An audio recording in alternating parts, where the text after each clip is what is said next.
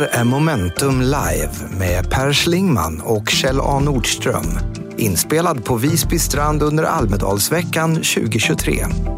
I samarbete med Diös.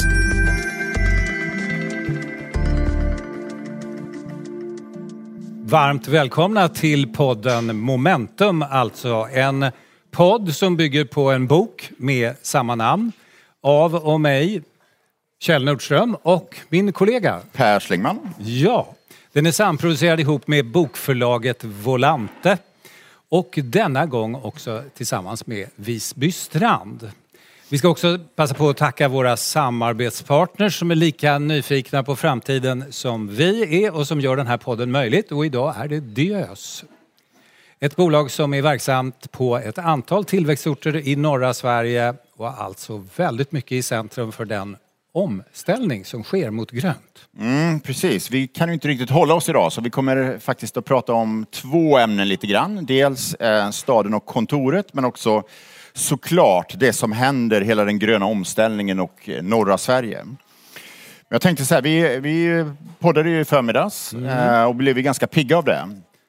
Så vi hade en lunch och eh, pratade om att vi faktiskt ska eh, sätta igång nu och skriva en uppdaterad version, eller del två av Momentum. Det blir ju allt mer som en sån där serie, vilken som. Ja, nej men exakt. Vårt förlag brukar säga, den här är ju ändå 128 sidor, men förra vi skrev Krono Express var vi kanske 70. De brukar säga så att ja. vi skriver singlar medan andra skriver LP-skivor. Mm. Så det är dags för en ny singel. Uppenbarligen, och nu kommer kanske också en ny säsong. Ja, men plus också att den här kom ju ut i vad var det, september förra året, augusti-september. Och det är ja. intressant för att man bygger ju på med nya perspektiv och idéer. Och det känns ju som ett sånt perspektiv är ju hela frågan om polarisering, vad det betyder. Ett annat är, tycker jag, vi kommer nog tillbaka till det när det gäller en grön omställning, det är väl just kanske det här behovet av en tydligare grön berättelse, ett narrativ på något sätt som pekar ut en, en riktning framåt. För idag så känns det som Kapitalet är väldigt tydligt, det är väldigt tydligt i vad som händer i näringslivet. Men jag tror att skulle man kunna få en bredare liksom, narrativ i samhället så tror jag att vi skulle tjäna väldigt mycket på det. Varje tid har ju sin berättelse, i varje fall i efterhand är det väldigt tydligt. Men många gånger också under tiden. Och ännu är nog inte riktigt vår berättelse formulerad. Nej, precis. Men vi kan också säga så till alla lyssnare som eh, har lite idéer och tankar. Både kring eh, säsong två av den här boken. Vad bör vi fokusera på? Vad vore intressant? Men även i, kommer tillbaka med podden i höst också. Ämnen och annat som är intressant. Men vi har ju ett litet segment som jag tycker är väldigt roligt i den här podden som vi kallar för mikro. Nämligen att hitta någon enskild händelse som säger någonting större om världen. Det är ett sätt att arbeta som vi har valt att ha. Att i det dagliga livet, ni vet i den ström av händelser som ändå pågår runt omkring er, nyhetsrapportering och så, hittar man små korn som berättar någonting lite större om samtiden. För det där flödet pågår ju hela tiden. Men i det finns det små nuggets. Precis, och du ska börja. Jag börjar. Vi lyssnar på inslaget först. Elon Musk and Mark Zuckerberg have apparently agreed to fight each other in a cage match for charity. Ja, här har vi alltså två av världens nu eh, största företagsledare som då väljer att gå in i en MMA-bur tillsammans och ska alltså slåss och ha en match tillsammans. då tar man att tänka på om vi går tillbaka och tänker på Alfred Nobel skulle då gå upp mot Edison och veva i någon sorts match där för ungefär 110 år sedan. Att det är någonting där i tiden som har förändrats om ni förstår vad jag menar. När personer, dels av den karaktären, men också är det ju berättelsen om hur viktig uppmärksamhet mm. uppenbarligen är i vår tid. Det är inte så att de här två herrarna har brist på uppmärksamhet men det går mm. att ta till ännu en nivå uppenbarligen och då kryper man in i en MMA-bur tillsammans. Vi kan komma tillbaka till det lite senare. Det är, ett, det är ett nytt golv kan man säga för eh, de som jag. vill kommunicera och ta utrymme. Absolut. Men jag tänkte säga om du skulle gå en match, vem skulle du gå mot den? I det här läget, jag tror Donald Trump. Donald Trump, ja. Ja, men det tror jag du skulle klara i en MMA-bur. Jag är inte säker på att vi är i samma viktklass. Nej, men han, det är frågan om jag ska gå upp eller han ska banta. Ja, men då, då säger, det här säger någonting om liksom, vårt samhällsklimat när det gäller uppmärksamhet. Vi ska mm. lyssna på ett annat klipp. Södra i Mörrum ska ta hand om ICA Maxis gamla arbetskläder för att göra dem till nya kläder. Sedan flera år så har Södras återvinningsprocess Once More förvandlat begagnade kläder och cellulosa till nya textilier. Angelin Elfström är affärsutvecklare på Södra och hon berättar varför de väljer att satsa på återvinning av just kläder. Vi tror att eh, cirkulära flöden det är framtiden, både ur affärsmässig synpunkt och för att vi alla måste ta ansvar för att förvalta jordens resurser. Så genom att återvinna de här textilierna kan eh, vi på Södra bidra till att textilbranschen kan bli cirkulär. Eh, vi kan inte göra det för alla, men eh, vi kan dra vårt strå till stacken. Och projektet startar nästa år med 56 000 gamla arbetsplagg från ICA. Mikael Eriksson, P4 Blekinge. Det här tror jag säger väldigt mycket om vart tror jag att väldigt många företag står nu. Där vi tittar väldigt mycket på cirkularitet, cirkulära affärsmodeller och i det här fallet är det ju Södra som gör det här med ICA Maxi i Mörrum. Eh, men de gör också med Lindex. Det går idag att gå in i Lindex butik och köpa plagg av träfiber och återvunnen textil. Mm. Och jag tror att bredvid det som kallas för substitution, alltså ersätta det fossila med fossilfritt, så är just cirkularitet, eh, den, det tror jag som vi kommer prata om de kommande åren. Därför att det tror jag är en, en, löst, en del av lösningen på hela omställningen. Att använda de resurser vi har och inte liksom producera, konsumera och kassera utan designa, producera och återanvända och se alla material som som liksom möjliga material att använda. Men också hur regel, vad som en gång var regelefterlevnad och att försöka vara en duktig medborgare mm. nu hastigt håller på att förändras till en konkurrensfördel i bransch efter bransch efter bransch. Blir det den plattform på vilken man bygger nästa generations företagande?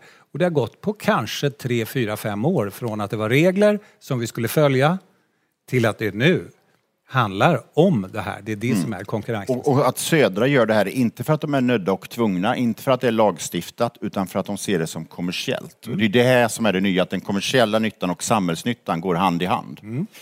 Men ämnet eh, i det här, eller det första ämnet kan vi säga. Ja, det så, tror jag vi ska säga. Det kan man säga. Det är väl någonting som har intresserat oss otroligt mycket. Det är två saker på en gång kan man säga. Dels stadens utveckling. Vad hände? Vi skrev redan 2014 boken Urban Express. Ja. Och det andra är ju arbetslivets förändring. Vad betyder de här? Och vi ska speciellt zooma in också på kontoret, på ledarskap och den typen av frågor. Det är också väldigt roligt, det är ju nu ett tag sedan vi känner att vi lämnar pandemin bakom oss och vi kan börja utvärdera lite grann vad som har hänt. Mm. Och vad jag tycker är tydligt är att det handlar egentligen både om var vi arbetar, men också hur vi arbetar. Och här någonstans så kan man ju konstatera att om det finns tre lägen, så här, att jobba 100% distans, 100% kontoret eller hybrid, så är det väldigt tydligt att hybrid i någon mening har vunnit. Ja, och tar mer och mer mark med alla de problem som det för med sig eftersom de allra flesta företag är ju inte designade för det och är heller det sätt som vi leder verksamheterna på är verkligen inte designade för det. Vi brukar ibland prata om, nu är det mycket fåglar i luften här, mm. starar. Ni har sett när starar flyger, fantastiska formationer. Och de är tusentals. Vad vi vet så har de ingen koncernchef.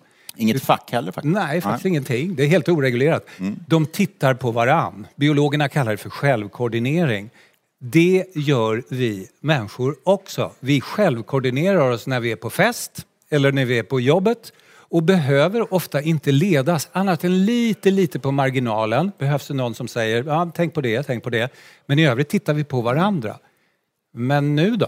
När vi inte flyger i flock, när stararna börjar flyga solo tre, fyra dagar i veckan, då kan man intuitivt förstå att det här är ju en precis helt ny roll, både för den som ska ledas och den som leder verksamheten. Vi löser upp möjligheten till självkoordination till stora delar. Mm. Och det intressanta är att det, det, du kallar för självkoordination eller stararna, det var det som var konstanten. Ja. Det var självklart för oss. Nu blir konstanten en variabel. Som så mycket annat. Och vad vi ska fokusera på nu, det är ju vad händer i denna variabel? Ja.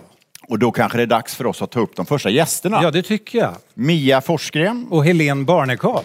Välkomna. Och vi applåderar. Applåderar.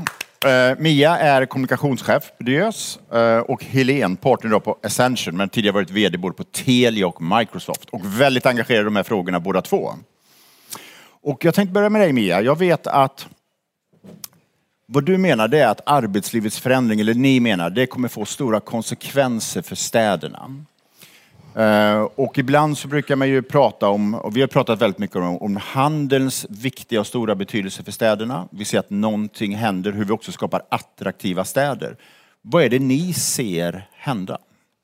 Eh, först och främst jättekul att vara med i podden. Eh, tack för det. Eh, och sen, det här är ju häftigt att prata om därför att eh, arbetsplatsen, eh, kontoret, vi kan ju benämna det här på tusen olika sätt. Det blir navet i staden. Allting kommer byggas kring kontorsplatsen, arbetsplatsen som skapar förutsättningar för all typ av service, att man vill bo. Det ger en trygghetsaspekt, det skapar flöden av människor dygnet runt. Eh, och, och, så kommer vi väl att komma in på, tänker jag, hur den här arbetsplatsen ska vara då, vilken funktion Absolut. den har. Eh, så navet i staden kommer att handla om moderna kontor, eh, lite olika inriktningar då. Det finns ju allt från coworking till en väldigt designad för en speciell hyresgäst och allt däremellan. Om man tänker som eh, när man spelar tv-spel så finns det en sån här completion line. Ni vet, som går upp till 100 procent. Hur långt har vi kommit? I den där rörelsen mot att kontoret är det centrala i staden. Vi är en bit på väg. Eh, det går rätt fort just nu skulle jag säga. Eh, och när man haft de här stora amerikanska bolagen som först har skickat ut signaler till sina medarbetare om att ni kan stanna hemma forever. Som nu säger kom tillbaka eller sluta. Så den rörelsen har ju, först gick det väldigt fort till att bli helt digital, sen har det gått lite trögare att komma tillbaka till att bli eh, vad ska den här arbetsplatsen, vad, vad, vad what's in it for me perspektivet igen då. Det går snabbt. Ja, men då. absolut. det finns något annat väldigt intressant och det är ju att, att vi går in i någonting nytt, men vi har liksom bara ord och en begreppsapparat som är någonting gammalt. Och man känner ju här när vi pratar, vi pratar om kontoret, kontorsplatsen, arbetsplatsen. Vad är, vi, har ju, vi pratar ju här om att vi går från en till fyra olika platser för arbete, alltså kontoret, hemmet, de tredje rummen, coworking, de digitala rummen. Vad är om, om vi säger så här att vi, vi måste nästan skapa ett nytt begrepp för det här. Därför att kontoret handlar egentligen om tjänstesektorn och sen har vi industrin. Det är väldigt mycket en tillbakablick på något som var. Vad är liksom, om man pratar om så här, vad är framtidens plats för arbete? Vad ska det heta helt enkelt, kort sagt? Och hur ser det ut när vi öppnar dörren? Öppnar vi dörren förresten? Och det är så himla bra fråga för arbetsplats låter jättetråkigt. Mm. Kontor är ju liksom, kommer från franskan betyder comptoir, räknebord. Det är också jättetråkigt. Vi har liksom fastnat- från italienskan. Ja, vi har fastnat i epitet som, Mm. som på något sätt bär med sig någonting som inte kommer bli i framtiden. Mm. Eh, vi, vi har så himla bra exempel på hyresgäster som vi nyligen håller på eller har etablerat. Eh, för det första så är återbruket en jätteviktig faktor. Det vill säga, hur kan vi åter, hur, vad kan vi skapa av det vi redan har? Eh, hur, hur kan medarbetarna vara med och skapa av det vi redan har? Vad vill man ha för någonting? Ehm, och sen också den här miljön. Och de här hyresgästerna nu på, på senare tid, här vill man skapa en livsstilsmiljö. Det vill säga ett hundrum för de som har hundar, kanske till och med en plats för barn. Eh, naturligtvis ska det finnas eh, duschar och den typen av, för att människor vill ta hand om sig och kunna träna och springa runt på morgonen eller luncher eller vad det nu är för någonting. Eh, Så den här platsen där vi ska skapa affärer. För det är faktiskt det Precis. ett kontor eller en arbetsplats är till Men vi har inget namn för platsen än. Nej men eh, herregud. Bortom. Men jag tänker så här, Ja, Cirkel- tävling. Ett cirkulärt, brandinguppdrag här, tänker jag. ja, men jag tänker cirkulärt hantverk exempelvis. Är det en del av det här som vi kallar kontoret här? Vad sa du, förlåt? Cirkulärt hantverk. Ja. För det tror jag kommer växa väldigt mycket som plats, ta väldigt mycket ytor och det kommer skapa ett småföretagande som är på nytt fött efter liksom hela kedjifieringen. Är det en del av det här kontoret? Ja, Mm. absolut tror jag. Och, och det, det handlar om ett engagemang. Mm. Att eh, både kunna eh, få vara med och påverka och också skapa en förståelse och en förankring som på ett helt annat sätt. Kan du berätta hur ni jobbar med era hyresgäster när det gäller just detta?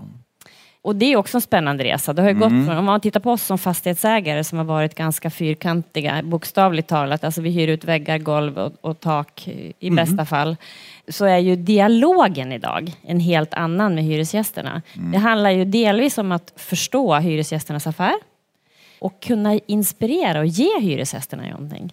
Ni måste kunna mer, låter Vi måste kunna mer. Vi kan massa mer idag skulle jag säga. Eh, både för att vi har blivit tvungna att rusa lite snabbare men också för att våra medarbetare är otroligt engagerade i vår affär som handlar om att skapa nytta hela tiden för våra hyresgäster. I vårt fall också för våra aktieägare eftersom vi är ett börsbolag. Jag tänker det faktum att ni är verksamma i tillväxtorter som ännu inte tillhör de största städerna i Sverige. Är det en fördel eller nackdel, tänker jag, i att verkligen kunna utveckla det nya?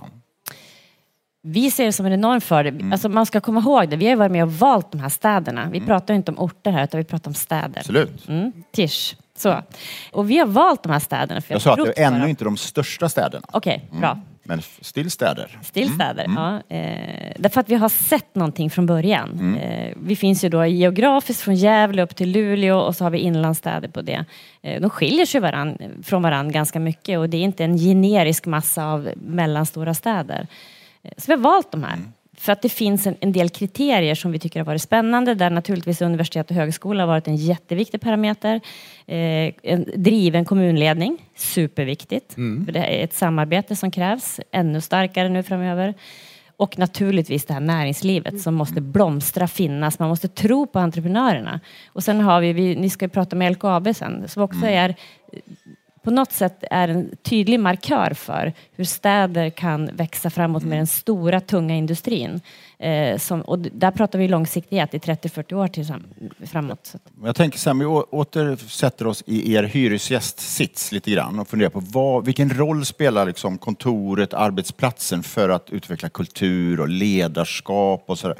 När ni pratar med era hyresgäster, ser du någon förändring i hur man själv ser på arbetsplatsen? Absolut. Och vad ser du? Vad hör du? Stora förändringar. Och du, du sa det själv, kulturen. Jag är Ja. helt övertygad om att Helene kommer att prata om det senare också. Att kulturen i ett, under ett, i ett varumärke eller ett företag, en organisation, eh, är ju helt avgörande. Och idag kommer vi dessutom att slåss ännu mer om kompetens och eh, arbetskraft.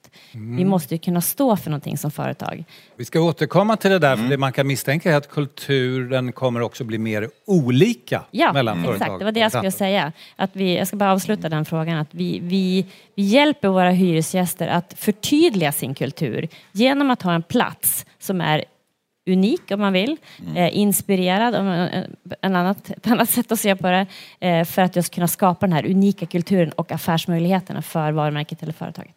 Mm, jag tänker, eh, Helene.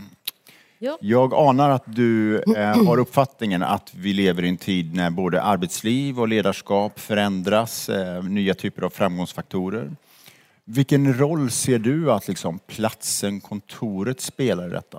Nej, men den, jag tycker ju att den eh, fortfarande spelar en eh, jätteviktig roll och Mia har berört så många av de här sakerna. Jag hade ju, bara sett det i kontext, så hade jag ju förmånen att göra en jättestor flytt som Mia känner till innan covid-19. Eh, Och bara för att sätta lite så här kontext på det, vi flyttade från en yta som var 67 procent mindre och alla tyckte det här känns jätteläskigt. Och från utanförområdet in till mitt i storstan och gjorde om alltihopa. Och det var ju Microsoft då. Ja, det var med Microsoft, ja precis. Och där, där, gjordes, där gjordes ju det jobbet verkligen för liksom, vad är det det här ska spegla? Och vi använde ett uttryck som att när man satt i sin gamla arbetsplats, man har suttit i 28 år, så säger man så här, det sitter en massa i väggarna. Så mitt sätt att översätta det när vi skulle flytta in här, så här, okej, vad vill vi sätta i de här väggarna? För att när man kommer in här om fem år eller tio år då ska man känna, oh wow, det här var ju kloka människor, ledare och, och företagsbyggare som, som faktiskt um, förstod att värna om det här hemmet som du skapar. Och vi pratade faktiskt om det, vårt nya hem. Vi pratade inte om vårt nya kontor. Uh, och jag tror att, sen så hände ju corona, liksom, jag tror det var sex månader senare, och sånt där, där allting liksom fast forward och alla gick hem och jobbade. Och då var vi ju lite, då hade vi ju redan börjat jobba hybrid ska jag säga. Men när man då kommer tillbaka så kände jag att två learnings var det. Det första var ju att jag hade ju världens tur som vi hade gjort den flytten. Men det första var ju att det blev ett För sånt- ni var klara med flytt? vi var klara med flytten. Men det första var ju det här att vilket jätteansvar det är på att vara som ledare och arbetsgivare. Vi måste ju, vi, det ska finnas ett värde att komma till kontoret. Det där liksom att man är på kontoret mellan 8 och 5, den finns ju inte. Och jag tror faktiskt aldrig mer den kommer finnas. Oavsett vad ni skriver i era policys någonstans så tror jag aldrig den kommer finnas. Utan det ska ju finnas ett värde för mig att komma till kontoret och jag ska vilja komma dit. Jag som person ska känna att jag vill komma dit. Den, den var den första. Den andra var, som jag tycker är en, en, en, en lite feltolkning ibland. Alla pratar om de här generation, eh, vad vi nu är för någonstans, X, X, Y, Z. Alfa tror jag. Precis, alfa. Eh, De vill inte jobba på ett kontor. De vill inte, alla våra nya från universitetet och nya unga talanger, de ville komma till kontoret. Såklart. Och de vill ju inte vara själva på kontoret för de vill ju att sådana här som alla ni som sitter i rummet som hade jobbat i många flera år och som var i en community, som hade kompetens. Om inte vi var där, om inte vi var där med våra nätverk så fick ju inte de alls samma värde av det. Så för dem var det en jättestor De pull. ska ju lära sig flyga. De ska lära sig flyga och de kände sig verkligen lost om ingen kom till kontoret. Den tredje biten på det är ju, bara för att knyta an till vad du säger Mia, var ju att det här var en jättestor del av hur deras sen totala liv utvecklade sig. För därifrån så ville man bestämma sig var man gick och träna och var man går på sin AV eller var man lämnar en kläd eller vad det nu än är. Så det, var, det blev, eftersom vi var mitt i en stad då, så ble, och, och det var ett härligt ställe, så blev det ju precis det. Så att jag tror att alla de här bolagen och, och jag tror att en del techbolag kanske inte känner att det var deras största moment of truth när de bara säger vi kan stänga alla våra kontor, tjäna massor med miljoner, ingen behöver någonsin komma till kontoret. Det var nog inte deras moment of glory eh, som nu ångrar sig och känner, åh nej vänta lite här nu, det här fungerar ju inte, jag måste ju locka tillbaka. Hur, ska, hur ska du vända detta till att locka tillbaka? När du faktiskt har gjort att du har pushat ut dem och flyttat till Arizona eller någonting annat där du inte har något kontor och det är billigt att bo. Och nu ska du plötsligt inte tvinga tillbaka utan nu ska du locka tillbaka. Jag, Jag tror att det är här, liten ledarskapsutmaning. Ja, men exakt. Men kontoret spelar en roll, att locka. Vilken roll spelar ledarskapet? Därför att, eh, jag hörde igår just att den här generation alfa, eller Z, eller säger, så här, en sak som man tycker är otroligt viktigt när det gäller ledarskap, det är just tydlighet. Att det finns ett ledarskap som sätter tydliga ramar, som har en idé om riktningen framåt och sådär. Men vad skulle du säga, om vi, om vi väljer att kalla det för hybridledare eller hybridledarskap, vad utmärker skulle du vilja säga en framgångsrik Ja, hybridledare? men den här är så otroligt viktig och jag tror du har debatterat det här någon annanstans Per, men, men för länge sedan, eller då någon gång runt corona. Men, men eh, det, vi gjorde studier eh, under covid-19, jag tror vi pratade om detta. Och då såg man ju att de som hade verkligen satsat på att utveckla sitt eget ledarskap, som var duktiga ledare innan, de blomstrade under covid-19. De som inte var så himla bra ledare innan, det blev ungefär katastrof. Helt ärligt. För att deras ledarskapstaktiker var ju ganska, ska vi säga traditionella på ett trevligt sätt. Traditionella. Men jag tänker så här, när vi inte flyger lika mycket Nej. i formationer, vad kräver det? Nej men jag tror att det, det kräver, den ena grejen som kom fram i detta och som jag är övertygad om, det ena är ju att vi faktiskt är, ni, ni har redan varit på eh, storytelling och narrativ och så vidare. Jag tror att vi har, alla har så stor, alla vi som är ledare, vi har en jättestor uppgift. Det är inte kommunikationsavdelningens uppgift. Det är min uppgift att prata om var är vi på väg, vad, vad siktar vi på, vad flyger vi nästa steg? Inte vad ska du göra idag och har du gjort detta idag, men var, var är vi på väg någonstans? Och jag tror alla ledare faktiskt måste träna på sin eget sätt att för förtroendegivas och med tydlighet faktiskt kunna upprätthålla det här narrativet. Jag För utan det så, på- så går det ju så här. När du säger det där kommer jag att tänka på någon som vi alla tittar på, vare sig vi vill eller inte, Zelensky, som ju råkar vara... Vad är han? Skådespelare. Han är skådespelare från början, tränad skådespelare. Och det måste man säga att det också märks i hans förmåga att kommunicera till oss och till CNN och till alla de berörda. Det där tror jag inte är någon tillfällighet, att den träningen flyger så bra i vår tid. Det är ju en berättelse. Håller med 100 procent. Vad säger Mia då? Det, i ditt, om, vi, om vi tar bort liksom kontoret och sådär, din roll som en del i ditt ledarskap och sådär. Ser du samma sak? Jag håller med Helene till 100 procent. Eh, Jag kan bara krydda det med att vårt, vårt bolag, vi, vi har förvisso ett huvudkontor i Östersund. Sen finns vi i tio städer med lokala team överallt. Så vårt ledarskap i bolaget har handlat väldigt mycket om att, att vara att flyga runt, om man får använda det fågelspråket då. Och ha liksom noder runt omkring och hitta den här kommunikativa delen som knyter ihop oss. Och vad skulle du säga, vad är utmaningen? Jag tänker att utmaningen är kulturen. Att orka bära samma kultur runt om. För att när man då åker till Luleå eller Skellefteå eller någon annan stad, att man kan komma in flygandes då, inflaxandes eh, och ändå kunna prata samma språk. Och det tycker jag att vi har varit väldigt, väldigt duktiga på. Eh, vi kan ju inte ses fysiskt hela tiden tillsammans. Men det finns ju några parametrar som man måste ta med sig runt Nej men det är intressant, för Helene du gjorde ju en flytt från ett kontor till ett annat. Här ska ni liksom ha samma kultur i många, många väggar. Ja, exakt. Vad är kärnan skulle du säga Ja, i då, deras kultur? det, det finns en kärna det här vet Helene och, och din nya kollega och det kan vara floskligt men det finns något som heter värdegrund och det måste man sätta i verket och göra liksom, konkreta verktyg för. Eh, I vårt fall så handlar det om att vara enkla, nära och aktiva och då, vi pratar om det hela tiden. Vad betyder det för oss? Sen kan man förvisso ha lokala spelregler. Eh, därför att det är, kulturen är, det är skillnad. Det är skillnad på Luleå och Mora i det här fallet. Och det måste alltid kunna översättas i beteenden och Exakt. beslut. Det är Men förväntansbilden. Ja. på oss medarbetare måste vara likadan. Mm. Vi måste kunna förvänta oss samma saker av varandra. Då lyckas man. Och där tycker jag att vi faktiskt har varit väldigt duktiga. Mm. Tack vare vår VD då, som ni ska prata med alldeles Ja men absolut, Ja. det är kanske till och med en bra övergång här. Vi har ju Väldigt bra övergång. Diös stora kulturbyggare Knut Rost. Exakt. Vi hälsar dig välkommen och vi tackar er. Tack så Tack mycket. så mycket. Och vi har också den stora äran att hälsa Stefan Sjöstrand eh, som är koncernchef på Skistar välkommen och Anders Lindberg som är kommunikationschef på LKAB.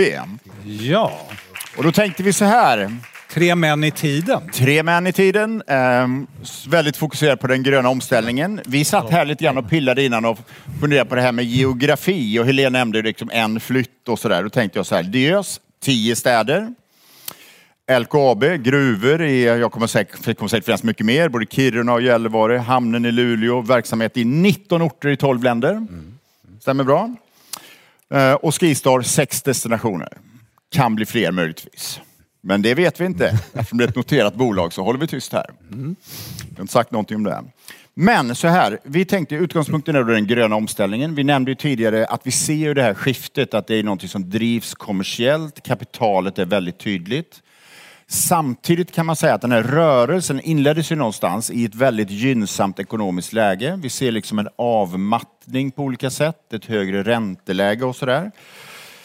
Jag tänkte börja så här, när, när man pratar om den gröna omställningen, vad betyder den för er? Jag skulle vilja börja med dig Anders på LKAB som någonstans är i, liksom, i, i kärnan av det hela. Ja, för oss, för oss betyder det överlevnad. Att finnas kvar på marknaden. Eftersom efterfrågan på fossilfritt stål finns redan nu. Eh, Kostnaderna för att fortsätta släppa ut koldioxid kommer bara att öka. Stålindustrin står för 8 procent av de globala koldioxidutsläppen. Så kan det inte fortsätta. Både på grund av den fakta som klimatförändringarna ställer oss inför och för att marknaden styr oss dit. Är ni först? Ja, vi är först. Vi var först i världen att framställa eh, koldioxidfri järnsvamp med hjälp av vätgas. Vätgas producerad av fossilfri el. Av den järnsvampen gjorde sedan vår kund SSAB det första fossilfria stålet som levererades till Volvo som har byggt, Ja. byggt de första eldrivna förarlösa truckarna. Visserligen bara i pilotskala, men vi har visat att hela kedjan fungerar och det börjar i gruvan. Omställningen börjar i gruvan, i det här fallet stål som ska bli fossilfritt. LKAB ensamt ska sänka globala utsläpp på fe- 50 miljoner ton per år. Det är lika mycket som hela Sveriges utsläpp. Ett bolag kan göra detta. Eh, och vi ska dessutom eh, framställa fosfor och sällsynta jordartsmetaller som behövs för den gröna omställningen. Det är hela värdekedjan. Ja, det är hela kedjan. Det börjar i gruvan. Det är där det börjar. Ja. För oss handlar det om, om överlevnad. Att finnas kvar Ja, på och ni är en del av Hybrid. Eh, Hybrid är ett teknikutvecklingsbolag som SSAB och Vattenfall äger. Det tar fram tekniken för att göra den här järnsvampen. Och Hybrid kommer inte att själva producera och sälja produkter, men de utvecklar den här tekniken åt LKAB. Så det är SSAB, Vattenfall. gemensamt ägd forskning? Ja. ja. Kan man kalla det så? Exakt. Precis. Jag tänkte också säga, jag läste att det finns idag tror jag, 62 projekt när det gäller grönt stål i 21 länder. Och jag tänker, du som ser det här från dig, kommer vi se en konkurrens mellan de här eller tror du att, så att säga, alla behövs? Jag såg att det, det har kommit flera, det har varit en diskussion lite grann om Hybrid och H2 Green Steel där, där liksom, egentligen industrin säger att det inte är en konflikt utan allt, allt kommer behövas. Ja, men så är det. Så är Ja. det. Och H2 Green Steel är en potentiell kund till LKAB. De vill köpa järnmalm av oss. Vi behöver bara lösa logistiken. Ja, jo, vi får dit malmen. Men visst är det en stenhård konkurrens eh, som är bra. Den behövs. Liksom De bästa teknikerna är ju de som kommer att överleva. Eh, och hela stålindustrin måste ställa om, för som sagt var, det, är- det är enorma utsläpp. Så det är bra med den tävlingen. Och vi ligger först. Det är viktigt för vi är väldigt små. Man pratar om gruvjätten LKAB. Vi har mindre än 2% av världsmarknaden. Vi har överlevt tack vare väldigt nära relationer med våra kunder. Vi ger dem det de vill ha. Nu vill de ha fossilfria produkter. Det är det vi levererar. Och det här är nu en konkurrensparameter. Det här är konkurrensparameter. Ja, visst är det så.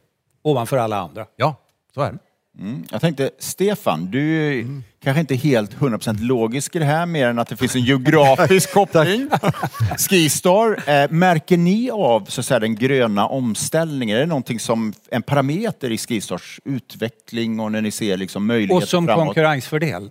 Samma logik. Ja, absolut. Jag skulle vilja se det från eh, flera olika perspektiv. Jag kan se, dels är vi ju ett bolag som faktiskt är samhällsbyggare, som vi talar alldeles för lite om. Utan media gillar helst att prata om dyra liftkortspriser istället för att tala om att när liften stannar så stannar ju faktiskt byn. Vi är den största arbetsgivaren på orten. Vi ser till att det blir stora skatteintäkter. Vi, ja, vi bygger samhällen.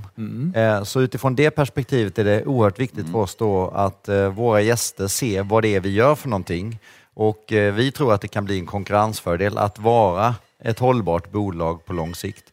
Och sen självklart också för våra medarbetare att vara en attraktiv arbetsgivare. För vi ser ju det att vi är ju idag Skandinaviens största arbetsgivare för unga. Och det betyder att vi anställer varje år 3 500 ungdomar och de ser ju väldigt noga på oss som bolag, hur vi är och hur vi agerar i de här frågorna. Så absolut. Och några konkreta exempel är ju egentligen eh, att vi har drivit, det, det är en ganska konservativ bransch. Det finns två aktörer som utvecklar pistmaskiner, det finns två aktörer som utvecklar liftar. I världen. I världen. Och då har vi utmanat de här pistmaskinsleverantörerna genom att se på gruvindustrin. Eh, att det går ju faktiskt att köra eldrivet eh, inne i gruvan. Då kan man faktiskt göra det i, på, i pisten också. Ovan jord. Ja. Så, så vi har gjort ett eh, jättestort samarbete nu. Det slutade faktiskt med Volvo Penta. Eh, vi började med Sandvik, det har varit Epiroc, men vi gör en jättegrej med Volvo Penta som eh, vi går ut med nästa vecka, för här kommer man ju inte igenom denna veckan. Så. Men, eh, det, och det är fantastiskt alltså, att se hur man kan utmana en bransch genom att också våga förflytta sig till andra. Precis, ni är också ett exempel på ett företag som själv ställer om. Jag Ja. tänker också hela cirkulariteten. eh, Ni har ju en butik där ni säljer liksom använda hyrutrustning och så vidare. Yes. Jag tänker bara Knut, så här, i allt detta så bygger ni städer, utvecklar städer. Är det samma logik i det här fallet? Att det här håller på att bli en konkurrensfördel?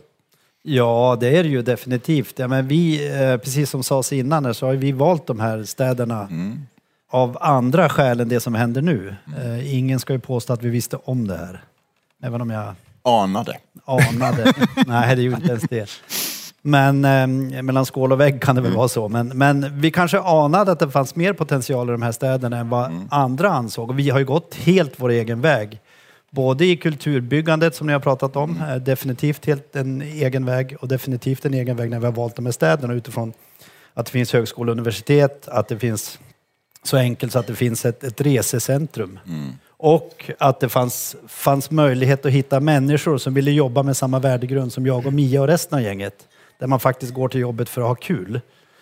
Har du inte kul på jobbet så byt jobb. Du kan ta en annan buss på morgonen. Vi har sagt det till vissa som har gjort det och så har vi fått in folk som tycker det är kul. Det är en del av vårat... Man gör om enkel, aktiv, nära till våran vardagliga värdegrund så är det att ha kul. Och ha kul det har man när man gör affärer. Vi skriver två nya avtal per arbetsdag. Om eller nya. Och det är klart att när sen vi tror att vi har möjliggjort för den här stora gröna omställningen därför att vi har byggt städer som man faktiskt kan finnas i, man kan vara i, man kan, om vi kallar det 10 minutersstaden eller 50 minutersstaden spelar ingen roll. Vi tror att vi har möjliggjort det här tillsammans med andra som Baltic och sådana som, som finns i Umeå. Och då, Och ni tror på 15 minuters staden? Ja, det gör vi. Att det kanske är 10 minuter.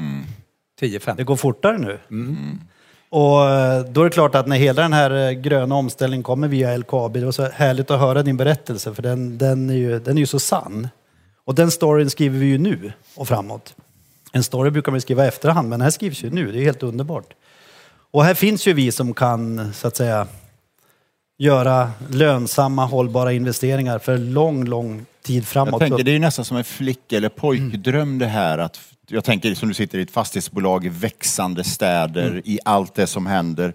Och då tänker jag så här, bara för, och det kanske också liksom eh, Anders kan svara på. För att skapa attraktiva platser i det här liksom nya ekosystemet som växer fram. Vad kräver det av en stad?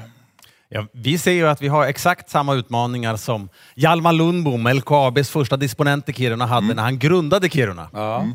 LKAB behövde då locka gruvarbetare från södra Sverige. Man betalade två eller tre gånger så mycket som de fick i gruvorna i Bergslagen.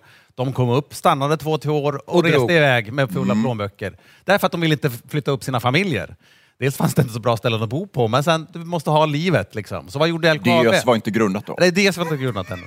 LKAB byggde då, eh, förutom väldigt mycket och fina arbetarbostäder, Mm. så byggde LKAB sjukstuga, LKAB byggde skolor, anställde lärare, LKAB byggde ja, polisstation också, kyrkan. Alltså livet mellan byggnaderna fick då LKAB bygga upp. Mm. Inte kanske för att Hjalmar Lundbom var en så stor människovän, det var han väl på sätt och vis. Men det var ju för att bolaget behövde detta. Vi behövde få människor att stanna. Det är exakt samma utmaning vi har nu. Nu är det visserligen kommunerna som bestämmer och stadsplanerar. LKAB är ju en aktör här, stor och viktig. Vi betalar för de här flyttarna. Men vi har ju exakt samma utmaningar. Det är ju kulturen, det är skolan, det är vården. Liksom ett gott liv. Är det ni som driver på? Ja, det gör vi. Det gör vi till stor del. Till stor del betalar vi också för det. eh, men, men sen, det är fantastiskt att vi har kommunledningar, både Kiruna och Gällivare, som säger vi går med på detta. Vi går med på att Vi faktiskt kör. riva stora delar av vår stad, vår historia. Vi flyttar helt för all del en, en massa gamla byggnader, men det byggs mycket nytt. Att de går med på detta och gör det tillsammans med oss är ju fantastiskt. Men jag tänkte Knut, vad är då liksom en attraktiv 10 minuters stad i detta? Vad består den av? Du vet sådana där best place to live-listor och sånt där. Man pratar ju mycket om social hållbarhet idag. Ja. Den frågan sammanfattas ju med den frågan ni ställer nu. Vi måste säga tror, för vi är lite gröna i det gröna och vi, vi testar oss fram. Men det handlar om flöden av människor. Det handlar om att bygga trygga, attraktiva platser i våra städer och inte minst kommer det här ordet trygghet in som inte har funnits kanske för fem tio år sedan. Det är ju nu på slutet. Ehm, det handlar om att skapa platser där folk vill vara, dit folk vill gå och så enkelt som att vi ses där. Och då måste en stad innehålla allt av det vi pratar om. Det måste innehålla eh, någonting för de små barnen, för de gamla gubbarna och tanterna. Någon, någonting som gör att alla kan finnas i en stad i princip dygnet runt. Och då kan vi inte bygga greenfield, stora bostadsområden, för de dör på dagarna. Vi kan inte bygga stora kontorsområden som vi har gjort i Stockholm till exempel, för de dör klockan fem, sex. Vi måste ha den här mixen. Och det är precis den taken vi har gjort. Och än så länge extremt lyckosamt. Mm, jag tänker Stefan, Finns du... det någon att titta på? Jag tänker på någon så här, tänk om vi kunde bli som... Mm, och det, och Som Diös. Nej, men en, en, en plats, Nej, en plats. En, en, en ort, en, plats. stad. Du vet, Eh, som ni, ni, ni, ni pratar så här på möten och säger nu håller vi nästan på att bli... På Världsbanken så har man ett uttryck där man säger så här, to reach Denmark first. Att Yes. bli som Danmark. Då. That's top the notch. thing. Nej men alltså du har ju, vi kan ju inte, behöver inte nämna köttbyn i liksom Köpenhamn. Det är ju mer, det är mer en, en destination. Ja. Jag eh, är övertygad om att det vi gör just nu är inte riktigt gjort förut.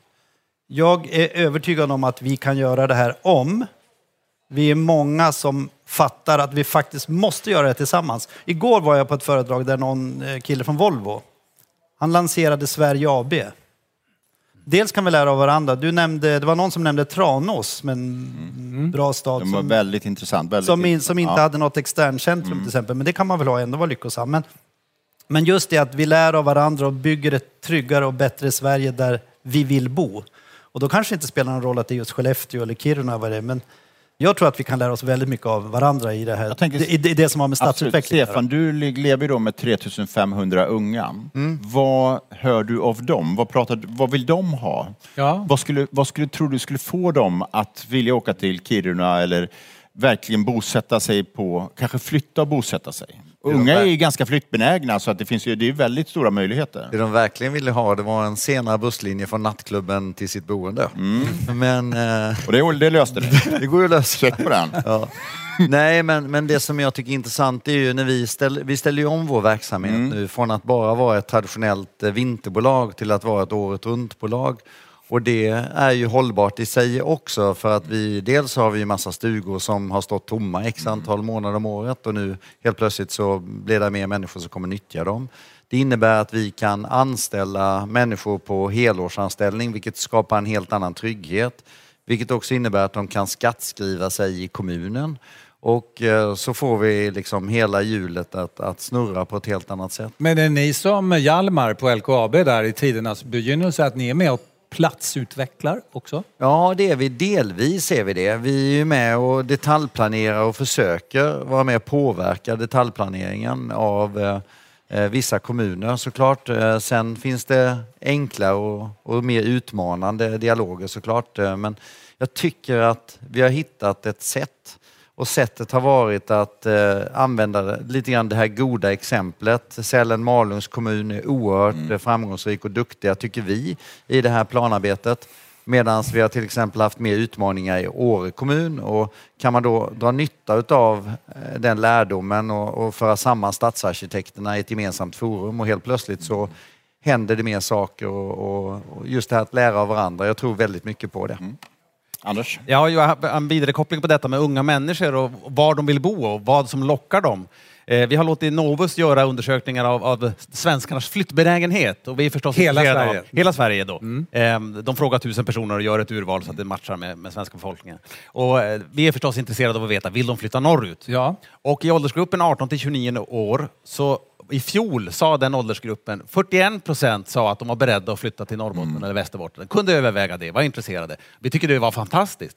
I år sa 62 procent av åldersgruppen 18 till 29 år att de skulle kunna tänka sig att flytta upp till Norrbotten eller Västerbotten. Så någonting har vi ju gjort rätt. Säkert är de lockade av den gröna omställningen, av det som händer. Vi hoppas ju också av att de, de städer vi har i norr faktiskt ter sig ganska attraktiva för dagens unga. Och anledningen till varför man vill flytta upp det är för att man vill ha ett aktivt liv och eh, leva en annan typ av liv än man lever i storstaden. Livsstilsdrivet, Ja, yes. ungefär som Helen sa tidigare. Ja, Jag tänkte komma till det, för det som har hänt sista åren det är att eh, inte bara yngre tror jag, utan alltså människor överhuvudtaget tänker, det är möjligt att pandemin har hjälpt till i det här. Vi pratar ju mycket mer om livsstil. Och då i första hand i den undersökningen, jag har läst några gånger för jag tycker den var väldigt bra, då är det, då är det naturen som lockar. Jobbet som, eller bostaden tvåa och jobbet trea tror jag, eller om det var tvärtom. Ja, det måste jag säga, det kan inte du säga. Men, men, eh, ja, men det är ju förbaskat intressant. Då måste vi fortsätta bygga de här urbana miljöerna som de här människorna kommer ifrån. Så vi kan ju inte sluta utveckla staden, snarare tvärtom. Så varför inte bygga de bästa urbana miljöerna i världen? Trygga. Jag tror att det är precis det som är slutsatsen. Att ha liksom naturen är en tillgång men att kan man komplettera och skapa ett urbant liv, bra kollektivtrafik, transporter och sådär. Jag tänkte så här, vi pratar väldigt mycket om den gröna omställningen. Vi är ganska tydliga här att det finns en rörelseriktning. Men jag tror vi också är ganska överens om att vi skulle behöva påskynda den så långt det går. Vi har liksom väldigt tydliga mål 2030 och 2045. Så jag tänkte sådär att vad skulle vi kunna göra för att påskynda utvecklingen? Och jag tänker så här att om ni vore, låt oss säga att ni vore statsministrar med oinskränkt makt, majoritetsregeringar och väldigt långa mandatperioder. Långt. Vad skulle vi kunna göra? Vad skulle AB Sverige kunna göra? Är det någon som vill ta den bollen? Tillståndsprocesserna, tillståndsprocesserna, det är Korta, det vi jag pratar om. Korta, Korta. effektivisera. Vi vill inte ha lägre krav. Vi vill inte ha lägre miljökrav till exempel när vi ska öppna en ny gruva eller om det ska Mm. eh, byggas Men vindkraft. snabba besked. Snabba besked. Och detsamma gäller ju om, när man ska bygga bostäder, man ska anlägga nya anläggningar, eh, energin som behövs. Det måste gå snabbt på grund av klimatförändringen. Vi har inte tid att dra saker i långbänk, förutom att det kommersiellt är dåligt. Det, det behöver gå fort. Och jag skulle vilja addera tillståndsprocesser. Ja, ja, men Eh, men, säger. en väldigt viktig eh, del till då, det är ju också överklagandeprocessen för den enskilde som är oerhört enkelt idag. Eh, Ett enkelt eh, exempel från min värld är att vi köpte en lift i Åre för två år sedan. Eh, Och en enskild person som har över hundra ärenden i EU-domstolen har överklagat den här liften. Eh, Vi har köpt den, den ligger på marken och alla gäster skriker vi sätt upp den förbannade liften. Men vi kan inte för den enskilda personen har överklagat. Och vi kommer ju vinna det, men det kommer ta fem år. Och det är ju det som är så, tycker jag, tragiskt när vi då förhindrar samhällsutveckling på grund av en eh, enskild persons eh, överklagande. Så tillståndsprocess ihop med Vad det. säger Knut? Finns det någonting mer än tillstånd? Ja, jag tror jag har fått ta något annat. har Jag brukar ju säga samma sak. Men du skulle säga samma sak? Ja, det hade jag gjort. Men jag hade dragit något exempel också. Men vi, vi tar inte det nu. Det, det blir så uttjatat. Men det är helt rätt. Ehm, jag tycker att vi måste vara lite modiga. Nu är jag tillbaka till Sverige AB lite grann. Alltså, Ja. Det här händer ju inte bara i norr. Det händer på andra delar i Sverige också. Både Göteborg och Västerås och vad det är. Jag är övertygad om att det är snorviktigt. Någon politiker hade någonting i Dagens Industri häromdagen som handlade om att eh, det är nu racet går. Vi måste stå bakom det här allihopa och öka tempot i det här. Ska jag ta en, bara en liksom, tillståndsfråga, ett exempel. Där det är jättesimpelt case, en person eller en kulturorganisation kan överklaga som inte ens bor på orten. Och så tar det sju år att få igenom en detaljplan som ser exakt... Är det här ett riktigt exempel? Ett riktigt exempel. Ja, jag ljuger aldrig. det tog sju år istället för två år och det var exakt samma produkt. Vad är vitsen? Och det är det här vi brottas med på något vis. Så jag, jag tror att det finns massor att göra, men Sverige måste släppa sargen. Politikerna måste kliva fram. Om det sen handlar om att vi ska ha eh, marknadshyra, fri hyra vid nyproduktion av bostäder. Ja, men låt oss prova det då. För nu har vi haft bruksvärdesystemet sedan Hjalmar Branting. Tror jag. Mm, andra världskriget va? Ja, någonstans. Och Ja, men låt oss släppa det och sätta igång och bygga Sverige på riktigt. För det här är ju det som LKAB och det gänget gör, det är ju det som är viktigt. Det är på riktigt. Stefan? Det kan ju låta lite tråkigt med bara tillståndsprocesser, men jag tycker också, eh, eftersom vi fick lite fritt spelrum, Ja, ja. så tycker Ja. jag då eh, ett ord för att bygga lite grann på vad Helene pratade om innan, om ledarskapet. Och det är det ju mod, att våga fatta modiga beslut eh, om saker som vi faktiskt inte vet eh, om de kommer att bli bra eller dåliga. Men vi tror att de i alla fall har eh, ett syfte, ett bättre syfte. Och att våga fatta beslut som kanske kostar oss mer pengar, men det kan ju också bli mycket bättre. Så jag tror att, att lägga, addera till det här modet, att våga göra saker. Ta risk. Ta risker, ta risker, våga alltså. Och vå, be inte om lov, eh, be hellre om eh, ursäkt. Det är, Jag tänker, det kan man också koppla till kapitalet lite Ja. grann. För jag brukar tänka på, inte minst när det gäller pensionskapitalet, att det, det bygger också på vad man har tyckt vore trygga placeringar. Att liksom placera pensionskapital. Men när någonting nytt växer fram så kanske också pensionskapitalet, institutioner i hög grad också måste våga se det nya som växer fram. och Framtidens trygga investeringar.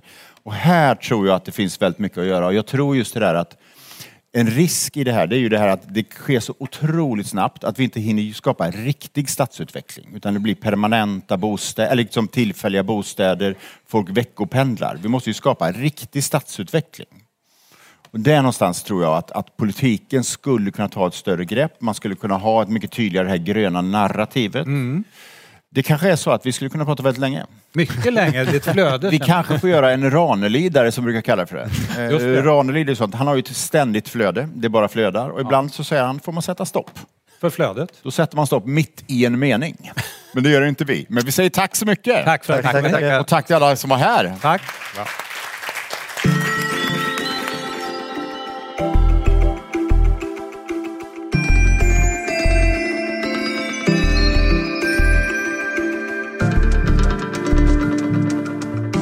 Det här programmet görs på Beppo. Beppo.